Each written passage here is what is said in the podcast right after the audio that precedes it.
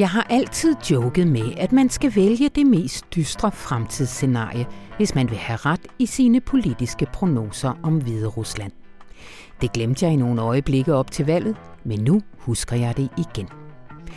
Sådan sagde den hvide russiske forfatter Viktor Martinovski, da vores egen Savin talte med ham tidligere på måneden. Og dystert blev det. Efter en valgkamp, der faktisk gav lidt håb om, at Europas sidste diktator, Alexander Lukashenko, nu havde siddet sin sidste periode, så sørgede massiv valgsvindel for, at han vandt stort. Og siden har han slået hårdt ned på protesterne. Savin besøger mig her om lidt. Velkommen til Radio Information. Mit navn det er Anna von Sperling. Og jeg kommer med al sandsynlighed til at lave radio til dig hver eneste lørdag indtil 2053. Deromkring. For der runder jeg nemlig 80, og der vil jeg faktisk godt have lov til at trække mig tilbage, dask lidt til en golfbold, måske i en god lille portvinsbrændert. Der bliver i hvert fald ingen tidligere exit-muligheder for sådan en som mig i det socialdemokratiske pensionsudspil. Og ved I hvad? Det er faktisk fair nok. Men spørgsmålet er, om der ikke er andre grupper, der er blevet forbigået. Det blev nemlig dem med det længste arbejdsliv, som vil få glæde af regeringens ret til tidlig tilbagetrækning. Men er det nødvendigvis dem, der har mest behov? Regeringen de har valgt at basere ordning på et ancienitetsprincip, og det er ikke nødvendigvis de mest nedslidte, der omfattes. Er det f.eks. rimeligt, at en sygeplejerske, der har arbejdet i 38 år, lider under daglige smerter, psykiske eller fysiske, ikke får ret til at gå på pension, når hendes nabo, der har arbejdet 42 år som murer, men er frisk og rask, godt kan gøre brug af den nye rettighed. Og når sygeplejersken typisk er en kvinde, og muren typisk en mand, øger det så ikke uligheden på et i forvejen ulige arbejdsmarked. Som det hed i en rubrik i tirsdags, torsdagsavisen, undskyld, regeringens tidlige pension er bedre for Arne end for Anne. Rubriksmeden bag journalist Laura Friisvang kommer her og forklarer. Og så skal vi en tur til Aarhus, hvor vores teateranmelder Trine Vøldike har set teaterkoncerten om Sevi Jørgensen og Carsten Valentin for Hulen, din dejlige mand. Heldigvis var den både smuk og god. Rune Lykkeberg, han, ja, han nød nok ikke i samme omfang at se den demokratiske partis etablissement holde taler fra sommerhusene i Martha's Vineyard her til kongressen, der har løbet staben i den her uge. Øh, men det ændrer faktisk ikke ved, at det var optur at se den næve mod den orange mand i det hvide hus, som de til sammen kom til at udgøre. Delvis optur til sidst i programmet. Rigtig hjertelig velkommen til.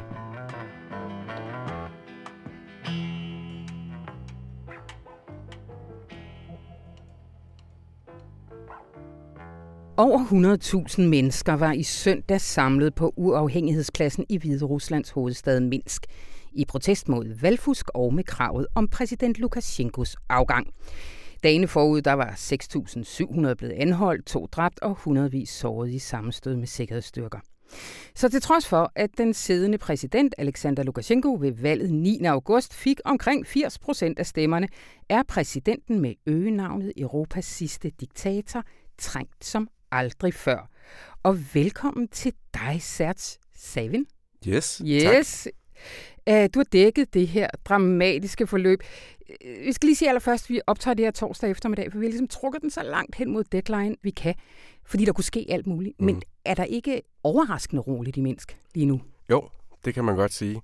Altså, der var jo meget dramatisk her op til den her uge, som du lige selv beskrev. Ja. Og så lige pludselig så har der været lidt stillstand hvor man lige afventer og ser, hvad der foregår. Ja. Der er alligevel lidt udvikling også samtidig. Ja, fordi du siger, at der er blevet nedsat en oppositionskomité. Ja, det er rigtigt. Øh, på foranledning af Svetlana Tikhanovskaya, som er præsidentkandidaten, ja. som mange mener rent faktisk vandt, som nu er flygtet til Litauen. På foranledning af hende er der blevet nedsat en oppositionskomité, som skal stå for overgangen til den nye regering. Ja. Og så, så sent som i dag, så er de faktisk lige blevet stemplet ulovlige. Mm-hmm. Så det virker ikke som om, der er så meget lyst til dialog fra regeringens side. Fordi hvad var ellers tanken med den komité fra oppositionens side? Jamen det er jo indtil videre, så har oppositionen og demonstrationerne efter valget været meget decentraliseret. Altså, det er jo noget, det vi har set, at det har både været små byer, og det har været meget spontant, det hele har foregået. Også fordi der har jo været lukket ned for internettet. Hmm. Øh, og nu skulle det ligesom være en central stemme for oppositionen, som både kunne komme med krav og gå i dialog med den nuværende regering, men også som kunne ligesom koordinere oppositionens indsats. Ja. Jeg sagde til dig her, før vi startede, at øh, det her indslag skal simpelthen også være for folk, der har konstateret, at der sker noget vildt i Hvide Rusland lige ja. nu, men ikke rigtig har orket at øh, sætte sig ind i det. Så lad os lige gå helt øh, tilbage. Øh, vil du ikke starte med ligesom lige at, at, at sætte hovedaktørerne op? Alexander Lukashenko, hvem er han? Ja, Alexander Lukashenko, han er tidligere leder af en kommunal, øh, et kommunalt landbrug under Sovjetunionen.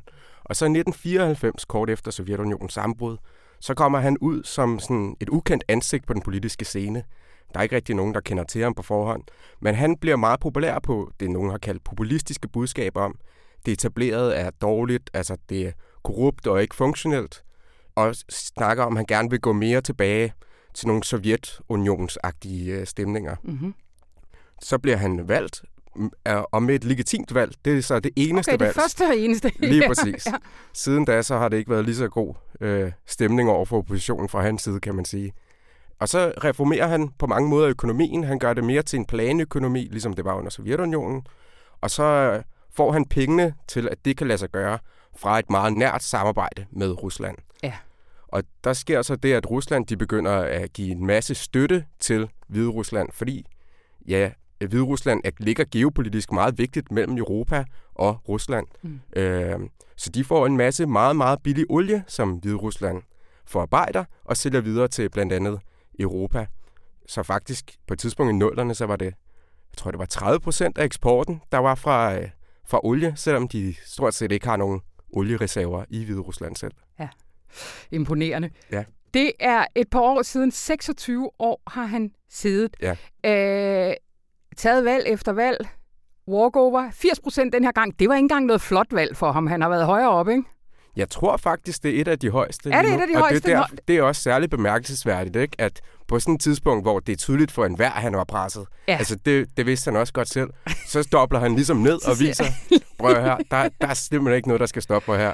Kan I lige skrue op? Og det er der også nogle eksperter, der faktisk siger, at det er måske det, der har gjort, at oppositionens styrke er blevet så voldsom. Altså hvis ja. han havde taget 51 procent af stemmerne, så kunne det være, at der havde været en demonstration i en dag eller to. Men det her, det viser, at han slet ikke er lydhør. Altså han ja. ikke har tænkt sig at ændre på noget som helst. Ja. Så hvad blev det for en valgkamp den her gang? Jamen, det blev jo en valgkamp, hvor at Lukashenko han stod og var ret upopulær, fordi økonomien har gået dårligt, mm. og folk er ikke tilfredse med, hvordan han har håndteret coronasituationen i landet. Ja. Øh, og så kommer der tre stærke oppositionskandidater, der stiller sig frem. Og det er sjovt, fordi de begik tilfældigvis noget ulovligt alle tre, og alle sammen skulle arresteres. Mm. Og så er der en kvinde tilbage, som har... Ja, hun er ligesom kommet igennem og ikke blevet slået ned af styret, fordi de ligesom tænker på hende som sådan en svag husmor, virker det som om. Og hun er kone til en af de her tre oppositionskandidater oprindeligt. Som og, blev fængslet? Ja, ja, ja, lige præcis. Ja. Og så stiller hun op, og man tænker, hun er sådan en svag husmor, som ikke har politisk erfaring og sådan noget. Hun, hun kan bare få lov. Så sker der det, at de to andre oppositionskandidaters kampagner, de laver ligesom en alliance ja. og et nyt øh, program, som egentlig er meget simpelt. Altså, der er også nogen, der kalder det populistisk, at der er ikke så meget om, hvad vi skal gøre, og så skal vi gøre det her med landet og det her. Mm. Det er et meget kort partiprogram, som hedder, vi skal ind, så skal vi lave nogle demokratiske reformer ud med de politiske øh, andenholdte mm. øh, fanger, og så, så er der nyvalg. Hun snakker om, hun har ikke lyst til at være præsident, hun har ikke lyst til magten, hun vil bare gerne tilbage og stege frikadeller til sine børn og sådan, men hun er blevet nødt til det, ikke? Ja. Det er jo sådan og, helt... og det var faktisk et virkelig stærkt narrativ, der, der gav genklang. Absolut. Ja. Også fordi, at det bliver så meget en, en modsætning til det etablerede, ikke? En uerfaren kvinde, som ikke engang har lyst til magten, er jo den perfekte ja. modsætning til Lukashenko på mange måder, ikke? Ja, det må man sige. Øh, der er ikke blevet anerkendt et, et valg nærmest i 26 år. Øh, altså, øh, og det er heller ikke øh, anerkendt af international øh, valgobservatør nu. Men kan du ikke fortælle lidt om, hvordan foregår den her valg, valgfusk, øh, og hvordan har vi set det den her gang? Ja, hvordan foregår det? Altså, der er jo både hele vejen op til, ikke, hvor de stærke oppositionskandidater sjovt nok bliver anholdt lige ja. pludselig, eller ja. så siger man, at de ikke har tilstrækkelige underskrifter, eller man finder nogle forskellige ting, som gør, at de slet ikke kan stille op i første omgang. Ja. Der er jo også valgkampen, hvor de lige pludselig ikke får lov til at mødes og holde demonstrationer og sådan noget sammen, hvor de også prøver det. Og så under selve valghandlingen, jamen så, så foregår der også decideret fusk. Der er blevet lægget bånd fra nogle af de her skoler, hvor de, der er ligesom er valgsteder, mm. hvor de snakker om, okay, vi skal altså sørge for, at der skal være så mange stemmer til de her og de her på den måde. Ja. Og noget, der er lidt spændende ved det, synes jeg, det er faktisk, det er ofte skolelærer, som ligesom står for at, at stemme de her tæller op, eller ja, til, stemmer op. Ja. ja, lige præcis. Og det tænker jeg, at det, er jo, det siger der jo virkelig noget om skolelærer, som ellers traditionelt i et samfund er nogen, man stoler på og skal lære ens børn. Jamen, de er ligesom på, på regeringens side ja. i, i det her system. Ikke? Ja. Men den her gang, så er der nogle valgsteder, som øh, har insisteret på faktisk at tælle de stemmer op, der lå i boksene. Ja, lige præcis. Altså, det er jo et system, hvor Lukashenko har nyt stor loyalitet. Folk har ligesom ikke ture at gå op imod ham. Ej. Og lige pludselig så vi faktisk nogle revner i, i loyaliteten mm. her, hvor der faktisk var nogle få steder, hvor de tælte stemmerne ærligt op, og ligesom råbte demonstrativt ud til en masse protesterende, der stod klar der på valgnatten. Og det var ja. 90 procent til Tikhanovskaya og den slags. Altså, ja. Så noget, der stemmer meget. Det, det stemmer ikke overens med den virkelighed, hvor hun kun fik 10 procent ifølge de officielle målinger, ikke? Ej, eller optællinger. Og et andet sted, hvor de her sprækker i systemet også har vist sig i forhold til politiet og sikkerhedsstyrkerne, ikke? Jo, lige præcis. Altså det, man så, er, var i Minsk på valgnatten, så holdt de godt fast i, i loyaliteten og slog hårdt ned på demonstranter, som de fik besked på. Men nogle af de mindre byer, hvor de her politimænd, de også er, altså det er jo folks naboer og sådan, mm. ikke? Man kender dem hinanden meget bedre. Jamen der, der så vi, at de gik ikke til angreb, og de, de støttede sig heller ikke, men de de sænkede ligesom skjoldene og ville ikke uh, gå så meget til angreb. Ja. Du var indledningsvis inde på øh, Lukashenkos forhold til Rusland, mm. øh, og det er jo helt klart, naturligvis sidder man, vi har jo altså et, øh, et minde om Ukraine, øh, mm. hvor Rusland jo gik ret hæftigt ind. Kan du ikke sige først lidt om, hvor, hvor er forholdet mellem Minsk og Kreml i dag, og Lukashenko og, øh, og Putin, øh, men også hvad, hvad kan man forvente fra den hold? Ja, altså først og fremmest i forhold til forholdet, så kan man sige, det er ikke så godt, som det har været. Nej. Altså det er blandt andet det, der har gjort, at økonomien er blevet dårligere. Er Putin, han har ligesom ønsket den her statsunion mellem de to, at de skulle have en fælles valuta, altså at Hviderusland skal overgive en eller anden grad af suverænitet. Og det har Lukashenko ikke været så meget for, og derfor så har Putin også trukket lige så langsomt med meget af den støtte, de har givet, mm. og det har været med til at, at skabe den økonomiske situation. Omvendt så er Lukashenko jo ligesom garant for, at det ikke bliver alt for vestligt. Ikke? Yeah. Fordi øh, Vesten har jo ikke lyst til at omfavne ham med hans autoritære øh, tendenser. Ikke? Så der er nogen, der faktisk siger, at det her det er den mest gavnlige situation for Rusland lige nu. At der er en svag Lukashenko, ja. men at han har brug for Rusland, fordi han kan, ikke, øh, han kan ikke søge støtte hos Vesten, og derfor så kan det ligesom være, at han vil give flere indrømmelser nu. Ikke? Ja. Og apropos Vesten, altså det tog 10 dage fra EU at sige, at det valg, det anerkender man ikke. Hvad, hvad, hvad foregår der? Hvad, hvad er egentlig EU's muligheder i den her situation? Om det er jo enormt svært. Det der, nu snakker du også om i forhold til Ukraine. Det, der er ja. meget adskiller de to oprør, det var, at i Ukraine, så så man masser af EU-flag, og det handlede om noget geopolitik, at vi skal, vi skal af med den her leder, men vi skal også rykke over mod Vesten og ja. væk fra Rusland. Og det ser vi slet ikke den her gang. Tværtimod, så når der en gang imellem, jeg har set videoer af en, som havde et EU-flag med, hvor de lige fik at vide, hey, ned med det der. Det handler ikke om geopolitik, det her. Og det er de meget bevidste om, oppositionen lige nu. Igen, at der er egentlig ikke et vildt langt partiprogram. Altså, det handler om, vi vil have nogle demokratiske reformer. Det handler ikke om øst og vest på samme måde, som det gjorde i Ukraine. Ej. Det prøver Lukashenko så at få det til at virke som om, at de er nogle folk, som vil øh, Østen det dårlige, eller ja. Rusland, ikke? Ja. Og ligesom derigennem prøver at få hans kammerat, eller ikke så meget kammerat lige nu, ja. Putin til at hjælpe ham. Ja. Men kan EU gøre noget mere? Hvad, hvad, kan, hvad, hvad er EU's, EU's handlemulighed i forhold til faktisk at understøtte demokratiske reformer? Kræfter? Det er jo enormt svært. Altså, det, er jo, det, som jeg har set, det er jo sådan nogle sanktioner mod målrettede personer i, i toppen. Ikke? Mm. Og det er jo også først og fremmest symbolsk, fordi så meget øh, interaktion er der heller ikke mellem dem og EU. Det er ikke, fordi de har store bankkonti i EU og sådan noget, som, som slår dem hårdt ned. Det er vildt svært, altså, fordi man har heller ikke lyst til at gå for langt ind og blande sig i landet. Fordi så lige pludselig så, bliver, så går der også noget macho-tendens frem i Kreml, ikke? Og, ja, ja, ja. og Rusland, som tænker, de skal godt nok ikke få os til at mm. bakke ned. Og så investerer de højere, eller ligger mere i at, at blande sig i det land også. Ikke? Ja. Og så kan det først for alvor blive en konflikt. Og, og, og eskalere. Ja. hvad, kan, hvad, hvad, hvad, skal vi, hvad skal vi forvente af, af den næste tid? Hvad, hvad, hvad er de mulige scenarier? Se, ja. nu, øh, nu kigger ja. nu himler du, ja. og jeg ved godt, det er sådan et forfærdeligt journalistspørgsmål, men det er jo alligevel det, man sidder med. Jamen, det forstår jeg godt, og der er også masser, som er klar til at give svar og, og sidde. Og, altså, ja. Det er det, jeg synes, der er vildt svært ved sådan en situation, hvor ja. der er en masse, der er uklart, og så er der alligevel også en masse, der altid er klar til at sige, det, det går nok den her vej, eller ja. det er det nye Ukraine, eller et eller andet. Ja. Det er, altså, svaret er, at det er enormt øh, uforudsigeligt. Der er ja. slet ikke nogen, der kunne have forudset, at det var endt på præcis den måde, som det har gjort lige nu. Altså Ej. bare for et par uger siden. Så det er virkelig svært. Man kan sige, det vi ser lige nu, det er, at de har været historisk fredelige, de der demonstranter. Ja. Ikke? Så kan det være, at han ender bare med at blive siddende, ikke? fordi der er jo ikke nogen, der ligesom stormer bygningerne og tvinger ham ud. Så kan det godt være, at 90 procent af befolkningen er utilfredse, men hvad, hvad, hvad skal man så gøre? Ja. Så det kan også ende med, at, at der faktisk kommer en eller anden form for støtte fra Putin. Altså, der er jo nogen, der mener, at allerede det hvidrussiske statstv, der, der er de jo gået på strække. Ja. Og der er der nogen, der mener, at øh, der er meldinger om, at der er kommet russiske teknikere ind og ligesom overtaget der, sådan så at de kan fortsætte med at sende. Ikke? Okay. Så en eller anden form for støtte virker det, som om der allerede er. Ikke? Ja. Men det der med, at de sender tropper ind, og det bliver et nyt Ukraine, det, det tror jeg ikke... Vi har jo et par gange på Lederplads og andre steder i avisen fantaseret lidt om, at øh, coronakrisen også ville vippe nogle af de her despoter af, af pinden, at det ville... Øh, koste øh, deres liv. Øh, I politisk forstand, vi er jo ikke barbarer.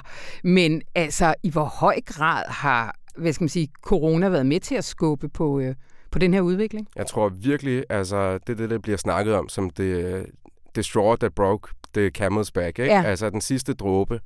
Ja. Øh, fordi oprindeligt så var jo Lukashenko populær på, han ændrede økonomien, han fik det til at gå godt med den der russiske støtte der, og så var den sociale kontrakt med folket ligesom, okay, så kan det godt være, at I ikke lever frit og, og færre og, og alt det der, men I, I har noget fremgang økonomisk. Ja. Og så på et tidspunkt, så genopfinder han sig selv, når det ikke går så godt med økonomien. Så kigger han mod netop Ukraine og det, der foregår med Rusland der, og siger, okay, jeg kan i hvert fald sikre jer noget sikkerhed. I har brug for en stærk mand på magten, der kan sørge for, at der ikke er nogen, der kommer og tager vores suverænitet eller vores liv fra os på den måde. Og det er på mange måder den kontrakt, han ligesom har brudt her under coronakrisen, ja. hvor han har vist sig meget passiv, snakket om det som en psykose. Der er folk fra parlamentet og, og Lukashenkos folk, der ligesom næsten har gjort grin af folk, der gik med mundbind og sådan, og altså få det til at virke som om, det er hysterisk. Ja. Og der har ikke været ret meget støtte til hospitalerne og alt det der. Ja. Og det er også det budskab, der har været på statstv, det kontrollerede statstv, det har jo også været, det er jo ikke noget problem, det her, stille og roligt og sådan. Men modsat de andre løgne, ikke? så er det her jo noget, som de faktisk kan se borgerne. De kan se deres naboer og deres hospitaler blive fyldt og alt det der. De se virkelig ikke stemmer overens der. Ja. Og der brød han på mange måder den sociale kontrakt om at sikre sikkerheden for sit folk. Ikke? Så han sidder et eller andet sted i tænkeboks nu på, hvordan at han kan oprette en ny kontrakt med, med det befolkning. Og du følger det? Ja, det gør Så må du komme ind igen, når der sker noget vildt. Det vil jeg gøre. Tusind tak, Sert Savin.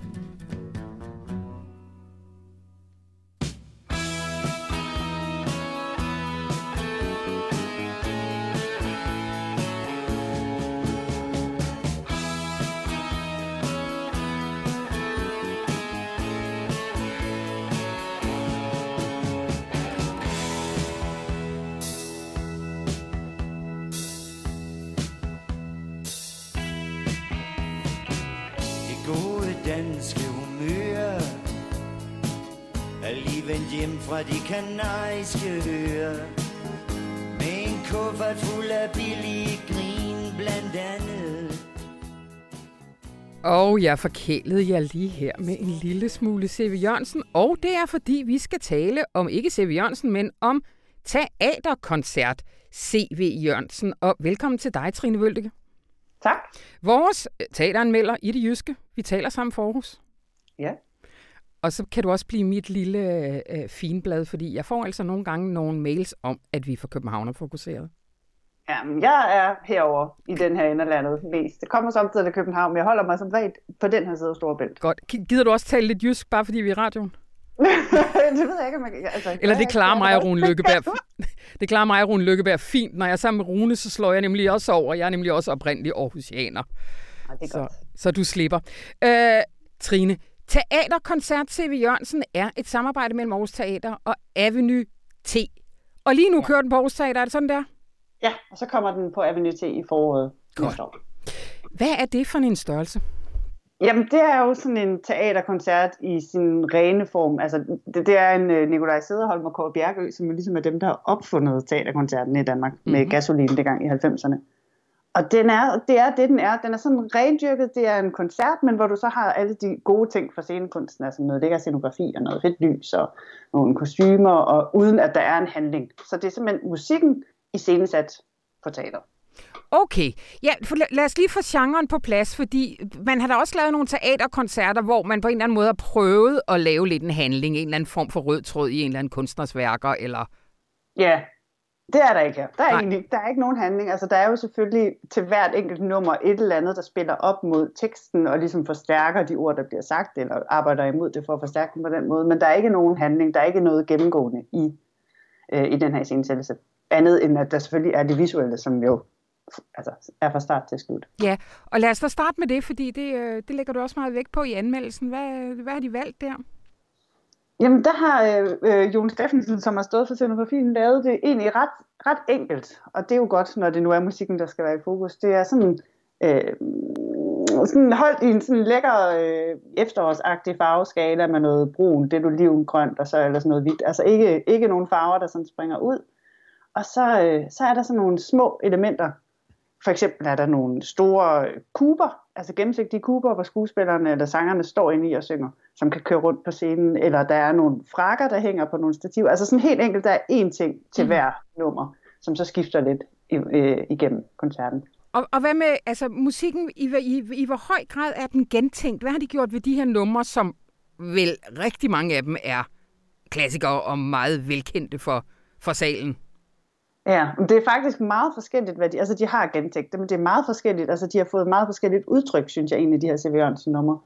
Det, der er sådan den røde tråd igennem, det er, at der er meget fokus på teksterne. Ja. Altså, at teksterne står klart frem, man kan høre, hvad skuespillerne synger, eller sangerne synger, og det er ikke altid, man kan det jo. Men det kan man her, altså det, det er det, der er omdrejningspunktet. Og så har de lavet meget forskellige stilarter på det. Altså, der er øhm, et nummer, som bliver sådan helt country-agtigt, hvor de har lavet saloon-stemninger, der kører country-nummer ind over, og så er der nogen, der er sådan rigtig moderne pop dance-agtigt ind over noget, der sådan er helt enkelt, næsten uden musik, hvor det er ordene bare, der sådan bliver reciteret. Så der er stor forskel på det. Altså, de har fået det til at lave et meget bredt spænd i musikgenremæssigt, vil jeg sige.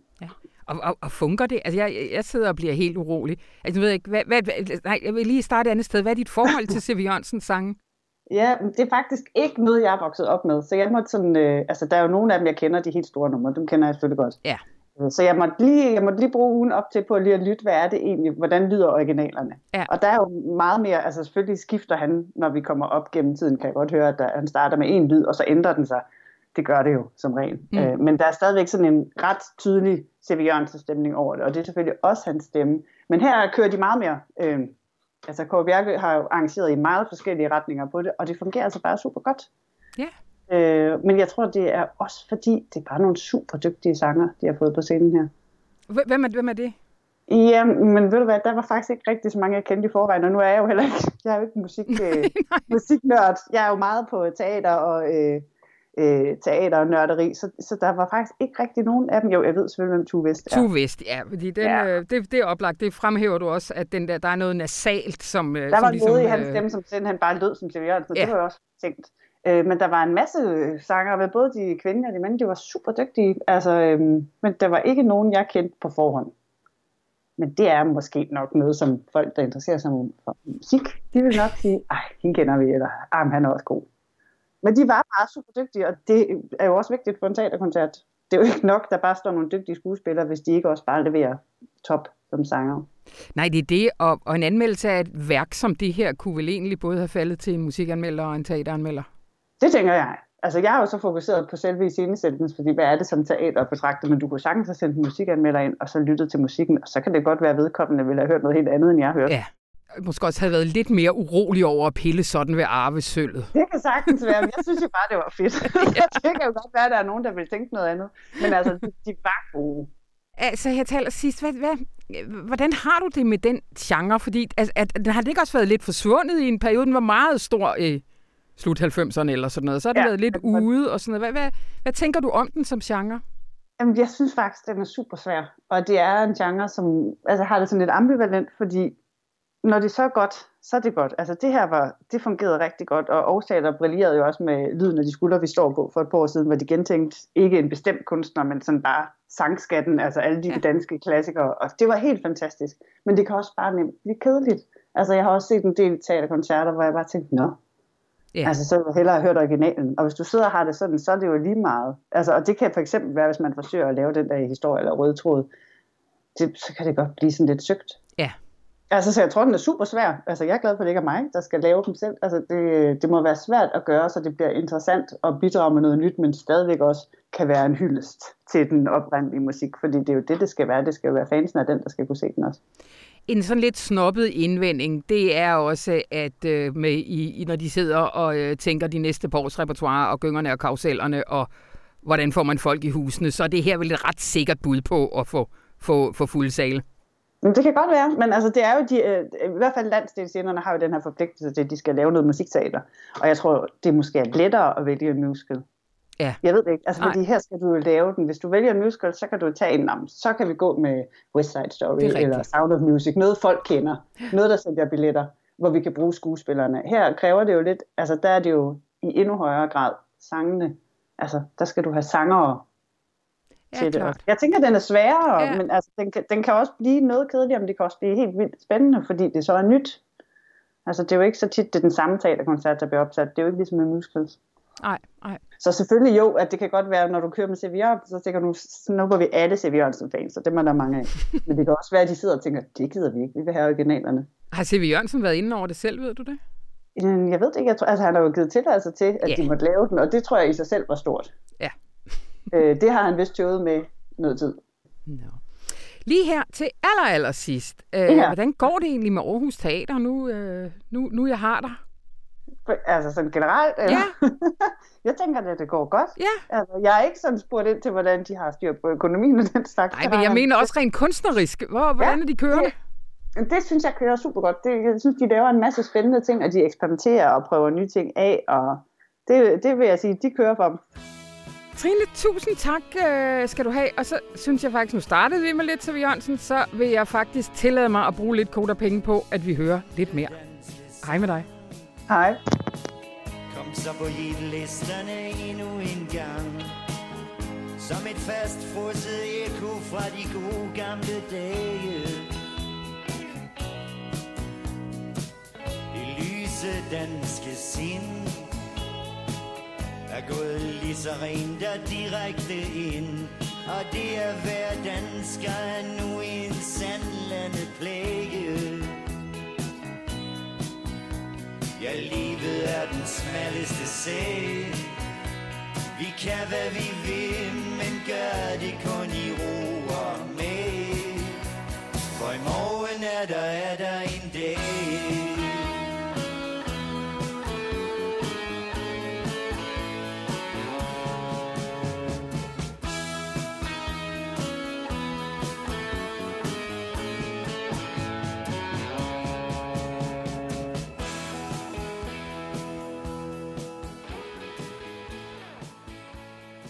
Tirsdag præsenterede statsminister Mette Frederiksen endelig den plan, der skal sikre, og her citerer jeg, værdig tilbagetrækning for alle. Hun og en masse andre minister, de var rejst til Danish Crown i Herning, hvor de talte for journalister og slagteriarbejdere. Det er gode, solide medborgere i Danmark, der hver dag må stå op om morgenen og gå på arbejde med smerter, sagde hun. Og nu skal de have en mulighed for at trække sig lidt tidligere tilbage. Og velkommen til dig, Laura Frisvang. Tak for det. Journalist på Indlandsredaktionen. Øh, jeg har, og det har jeg allerede afsløret for lytterne, en vinkel i baghovedet, men lad os lige starte med det lidt mere overordnet. Hvad var helt konkret indholdet af udspillet? Altså det handler jo om, at regeringen ønsker, at øh, dem, der har haft øh, lange og hårde arbejdsliv, øh, at de skal have en ret, en mulighed for at kunne trække sig tilbage øh, før tid, uden at det kræver en lægeerklæring og særlige sådan visitationsordninger. Mm. Øhm, og det har de så skruet sammen på den måde, at man ser på ancieniteten på arbejdsmarkedet, når man fylder 61 år. Og hvis man så som 61-årig har været øhm, enten 42, 43 eller 44 år på arbejdsmarkedet, så kan man så trække sig tilbage henholdsvis et år, to år eller tre år før mm. pensionsalderen. Ja, Og det er vel det her med, at de har valgt ancienitetsprincippet, som man også kan diskutere i forhold til, om det så rammer målet, nemlig at de mest nedslidte får en mulighed for at trække sig tilbage. Og det har I øh, talt med en række eksperter om. Der ligger også både fra den ene og den anden, både fra øh, Finansministeriet og fra Kraka ligger der også nogle, nogle undersøgelser. Øh, men I har talt med en, med en række eksperter, som, som er lidt skeptiske over for, om det faktisk så også er at dem, de rammer. Hvad, hvad, er, hvad bygger de der skepsis på? Altså helt overordnet, så, øh, så konkluderer de her undersøgelser, øh, eller de peger på, at det ikke nødvendigvis er dem, der er har været længst tid på arbejdsmarkedet, som er de mest nedslidte. Mm. Og det handler til dels om, at, at mange af dem, som er de mest nedslidte på det danske arbejdsmarked, de, de har måttet trække sig tilbage før, så de har måske været på andre øh, overførselsindkomster øh, op til, mens øh, dem, der så er fastholdt på arbejdsmarkedet og er der indtil de når, når det er oppe i årene, øhm, at de nødvendigvis øh, faktisk ikke er de mest nedslidte.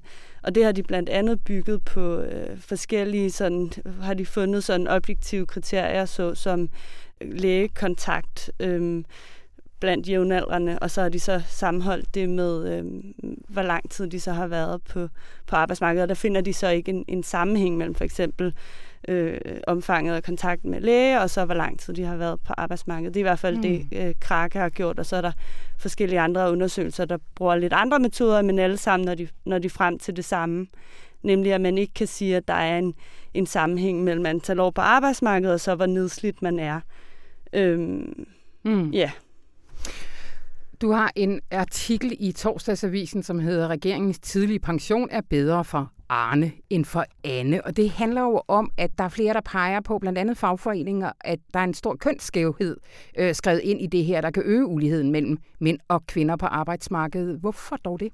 Ja, altså vi kan jo starte med, med at præsentere øh, tallet. Altså når man ser på, hvem der vil være omfattet, altså hvem der vil kunne få glæde af den her ret, hvis, hvis udspillet bliver vedtaget i 2025, så vil øh, kvinderne udgøre 37 procent af den her gruppe. Øhm, så der er de jo som sige, i mindre tal. Ja. øhm, og det skyldes sådan, øh, at mænd statistisk set bare er indtrådt øh, tidligere på arbejdsmarkedet. Øhm, og det er jo typisk fordi, at øh, dem, der træder tidligt ind på arbejdsmarkedet, det er de her kortere erhvervsuddannelser, øh, som typisk, eller helt klassisk jo har været øh, mandefag, øh, og, og sådan også fysisk øh, krævende fag, mm. såsom ja, håndværkere, slagterimedarbejdere osv. Så, så, så fordi der er den her, sådan kan man sige, øhm, erhvervsstrukturelle skævhed, øh, ja. så bliver det også en kønsmæssig skævhed, og det er bygget ind i ordningen, kan man sige. Ja. Men det er ikke det samme som, at en sygeplejerske ikke øh, som 61-årig kan være mindst lige så nedslidt som en slagteriarbejder Nej, og der kommer vi jo lidt tilbage til, til den første artikel, du, du også øh, startede med øh, at lage ud med, som jo handler om det her med, hvem er det egentlig, der er de mest nedslidte. Altså det, som, som nogle forskere peger på i, i denne her artikel, det er, at man, at man kan lige så godt have været øh, sygeplejerske i i 38 år øh, og være lige så nedslidt som en mur, der har været 41 år øh, på, på arbejdsmarkedet. Altså det er der ikke, i hvert fald ikke, vi har ikke data eller undersøgelser, noget, der, der kan sige, at den ene vil være mere nedslidt end den anden. Mm. Og, og der er det jo så, at vi har altså, fagforeninger, som, som, som, som repræsenterer de her sådan klassiske kvindefag, faggrupper som for eksempel sygeplejersker, øhm, pædagoger, socialrådgivere, ja, offentlige ansat offentlige ansatte, som, ja. som er ansat øh, i vores øh, ja, i omsorgsfag og i vores velfærdsinstitutioner. De siger, at deres medlemmer er mindst lige så nedslidte. Ja. Et eksempel er BUPL, som, som jo repræsenterer pædagogerne, hvor deres medlemmer, det, der er 85 procent kvinder. Mm. Og de har lavet undersøgelser, der viser, at det kun er 25 procent øh, af deres medlemmer, som forventer, at de kan arbejde ind til pensionsalderen. Så derfor føler de, at den her ret også burde omfatte dem. Handler det så om en anden type nedslidning? Er det, er det også fordi, at det baseres på nogle lidt traditionelle forestillinger om, at øh, armene bare ikke kan mere, når man har hamret længe? Øh, ja, men det de kan klart, blive ved med at og man kan børn, sige, eller? det er jo... Øh, det er jo også sådan, øh, og det er jo også meget den argumentation, øh, som Socialdemokratiet og, og regeringen sådan bruger, og, og det er jo også meget intuitivt, at de mm. fysisk nedslidende fag, at, at, at, at en jord- og betonarbejder ikke kan arbejde til han er 68 og i takt med pensionsalderen stiger, og det er mm, hårdt øh, for, for kroppen. Så de har den her sådan, måske lidt meget øh, sådan arbejderistiske tilgang til nedslidning, hvor at øh, de her øh, faggrupper, som også er ansat i vores øh, velfærdsinstitutioner, der, der er der meget måske øh, i højere grad tale om en psykisk nedslidning. Altså, der er vel ikke oven på en covid-krise nogen, der længere er i tvivl om, at for eksempel sygeplejersker er spændt ud til det yderste. Så det, ja. Præcis. Og der kan man sige, altså, og, og, og socialrådgiverne er jo en anden gruppe, som er den, tror jeg, en af de faggrupper i, i landet, som øh, er allerhårdest ramt af stress, for eksempel. Øhm, og det er, jo, det er jo også en form for nedslidning. De bliver så overhovedet ikke omfattet af den her ret, og det mm. handler jo selvfølgelig om, at deres uddannelse er længere, men, men fagforeningerne vil så argumentere for, at de få år senere, de træder ind på arbejdsmarkedet, er ikke nok til, at de ikke bliver nedslidte. Der vil regeringen så argumentere med, at, at psykisk nedslidning er svær at fange i sådan en her model, fordi de ikke mener, at det hænger sammen med antallet af år på arbejdsmarkedet.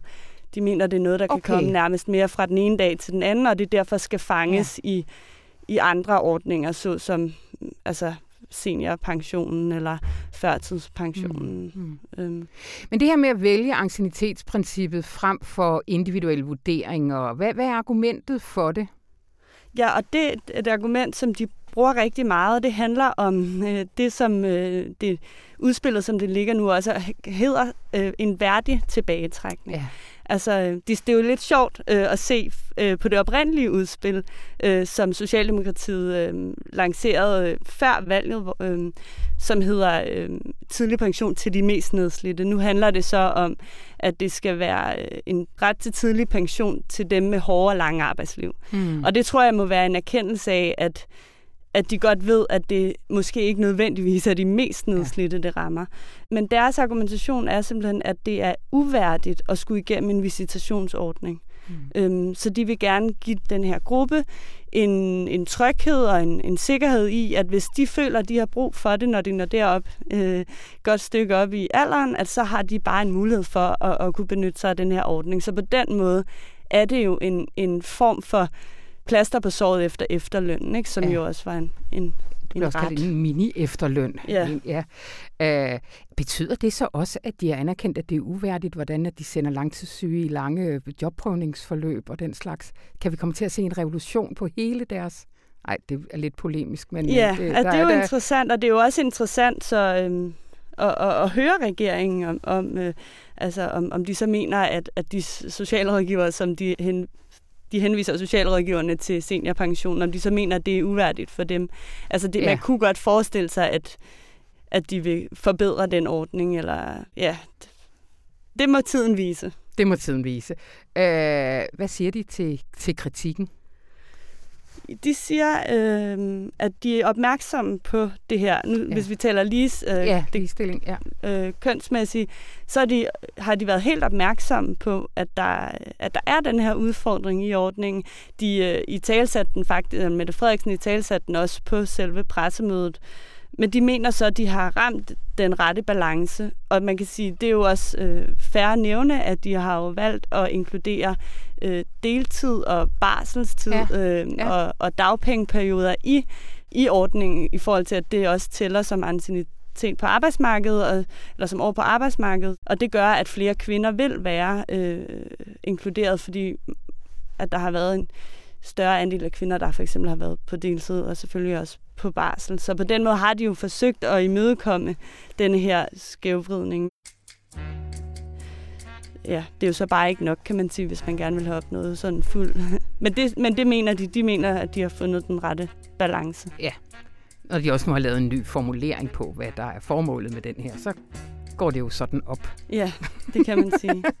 Godt. Øh, tusind tak, Laura Frisvang. Tak lige måde.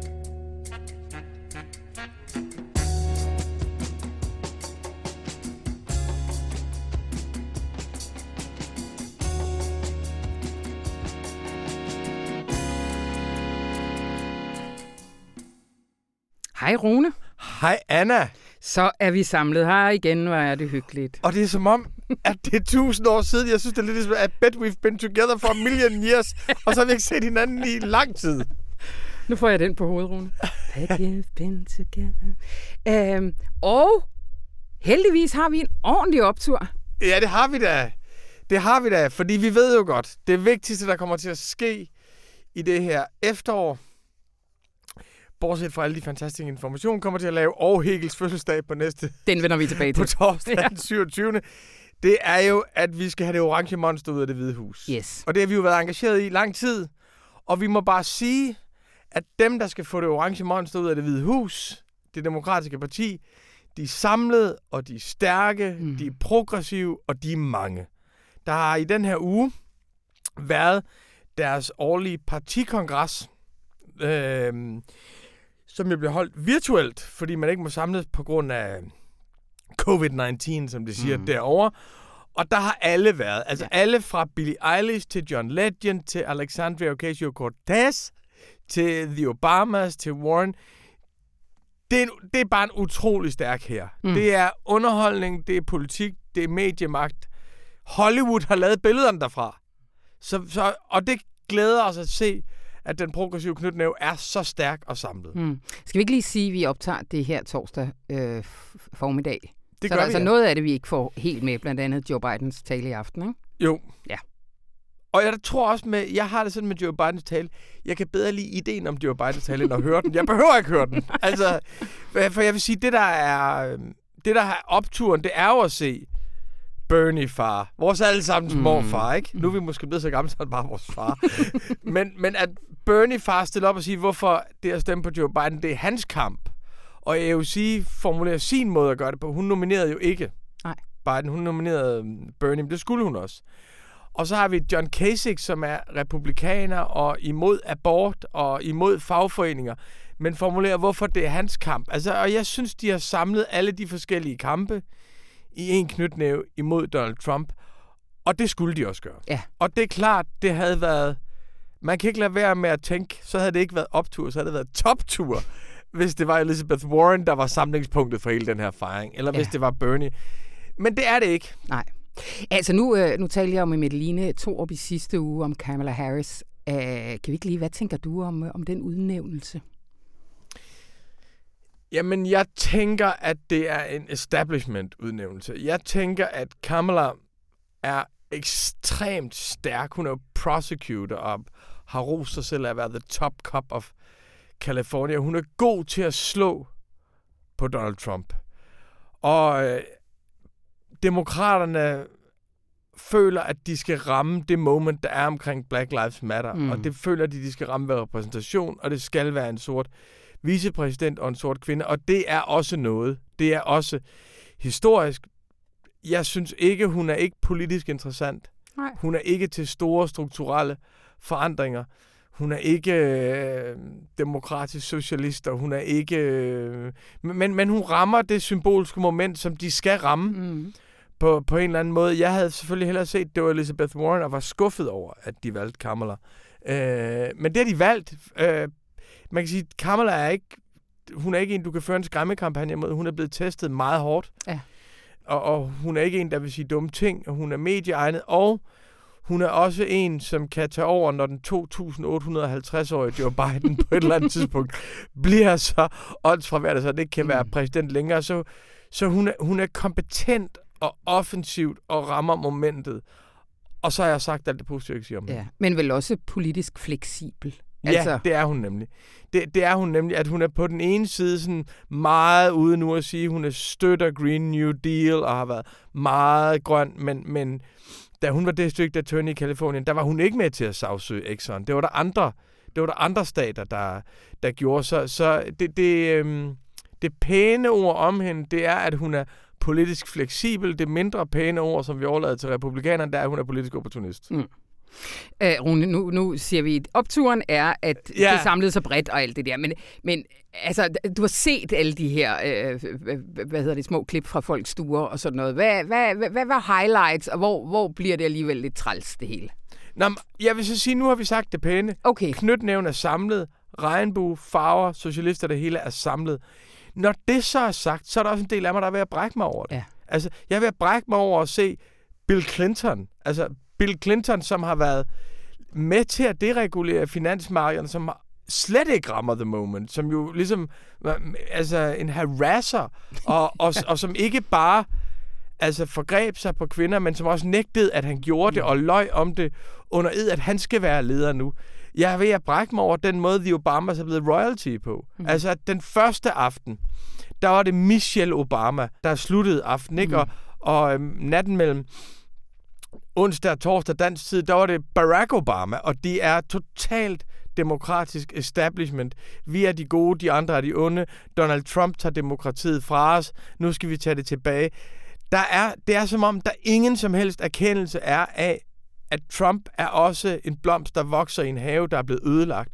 Og de har selv et ansvar for, at mm. den have er blevet ødelagt. Og jeg har fornemmelsen af, at det er sådan den kroniske uskyld, at de står og jubler over de står og jubler over deres gamle ikoner, som de, jeg, jeg jo et eller andet sted synes, de burde have smidt ud og har haft et, et helt andet moment mm. øh, om, og, og, omkring, og jeg synes, det der... Altså, så har de lavet sådan en video, uh, The Rising, som er Bruce Spring, en Bruce Springsteen-sang, igen, ikke? En Bruce Springsteen-sang, hvor du skal se, jamen, sorte og hvide kysse hinanden, og du skal se tomme gader, fordi COVID-19. Og så har du Billie Eilish, der kommer og, og optræder. Du har selvfølgelig John Legend og, og Eva Longoria, som jeg elsker elsker, elsker, elsker Elvin Gore hen fra Desperate Housewives, mm, som mm. er en sindssygt hård demokrat fra Texas, og som har kæmpet hårdt med republikanerne der. Men du ved, det er Democratic Celebrities. Det er en overklasse, der viser deres magt og vælge frem, frikender sig selv for alt og samles i kampen mod mod Donald Trump. Så, så, så jeg glæder mig over, at de er samlet, mm. men jeg kan simpelthen ikke udholde synet af det. Obamas 20 minutters tale i nat, jeg kunne sådan se, øh, nogle gange, jeg, selvom jeg ikke er på sociale medier, så kan jeg jo godt, ikke? Så jeg kunne sådan se sådan noget med, at David Axelrod skrev, at jeg er ved at begynde at græde nu. I'm in tears now. This is a big moment.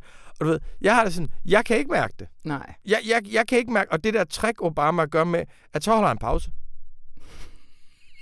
og så skal vi alle sammen sidde og føle enormt meget. Altså, den tiger, den, den har vi set, og der er ikke noget... Altså, hvis det nu havde været... Hvis der havde været den her fornemmelse af, COVID-19 har vist os et land, der er ved at blive ødelagt. Mm. Vi har et ansvar for, at det har været ved at blive ødelagt. 30 millioner mennesker uden sundhedsforsikring. Sindssygt høj arbejdsløshed. Det er udstillet for os. Vi har en økonomi, der kører ligesom en sådan snortop. Mm. At alle skal være i arbejde hele tiden, for det ikke falder sammen. Og Donald Trump, han sidder på toppen af det. Nu skal vi tage vores land tilbage, mm. og det skal vi gøre med progressive mm. policies. Og det vigtigste i det hele, det er klima. Men sådan er det ikke. Det er sådan, at demokratiet er os, og Donald Trump er imod demokratiet. Og det er måske øh, det, det er måske det bedste, man kan gøre for at få det orange monster ud af det hvide hus. Men jeg er også ved at brække mig over det. Mm.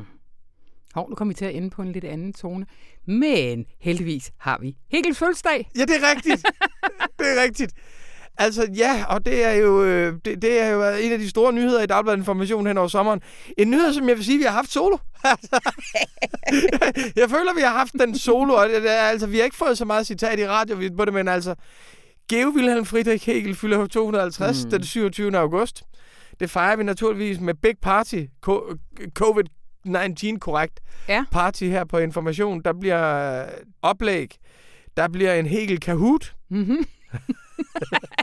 der bliver live musik. Ja. Kan du, det, det er sådan en quiz-modul til din telefon. Præcis. Hvis der var nogen, der det, ja. virkelig røg hen over. ja, det, ja det, så, det, det, det, der bliver en hel quiz, som alle kan være med i på torsdag. Øh, Hvad gør man, hvis man sidder derude og gerne vil være med? Så går man ind på information.dk og melder sig til. Og jeg siger det bare som det er, der er få pladser. Ja. Vi havde jo planlagt et boxen-style giga-event, 8.000 mennesker, øh, folk, fløj, folk fløj ind fra, fra, fra hele verden. Vi havde tænkt, det skulle være i Herning, fordi Herning og Hegel ja. øh, har de samme forbogstaver og sådan noget. Ikke? Men der er vi blevet ødelagt af covid-19, mm. så derfor laver vi det lille intime arrangement herinde på, på avisen, men jeg kan love jer, at det bliver bedre end uh, det demokratiske partis virtuelle Zoom-event fra Milwaukee. kan man også være med på uh, internet? Det kan man ikke, nej. Men der er rygter om, og jeg kan ikke bekræfte dem, mm. der er rygter om, de sociale medier, de syder er rygter om, at det, det måske bliver til en podcast. At det måske så bliver paneldebatten ah, optaget. Yes, det, der, yes. det der rygter om, så det bliver lagt ud. Så ah, det, det, det bliver lagt ud bagefter. Godt. Øh, så opfordringen her, skynd jer ind og meld jer til den store Hegelfest. Og tusind tak til dig, Rune Lykkeberg. Jamen Anna, tak for at du er tilbage. Og det var, hvad vi havde til dig i denne uge. Sidder du nu helt desperat og restløs ved en computer og ikke ved, hvad du skal stille op nu, så kan du jo lige efterlade en anmeldelse ind i iTunes, eller hvor det er, du tilgår det her program, fordi så bliver algoritmerne jo så vældig glade. Mit navn det er Anna von Sperling, og det her program det var klippet af Anne Pilegaard Petersen, og så ønsker vi dig bare en rigtig dejlig weekend.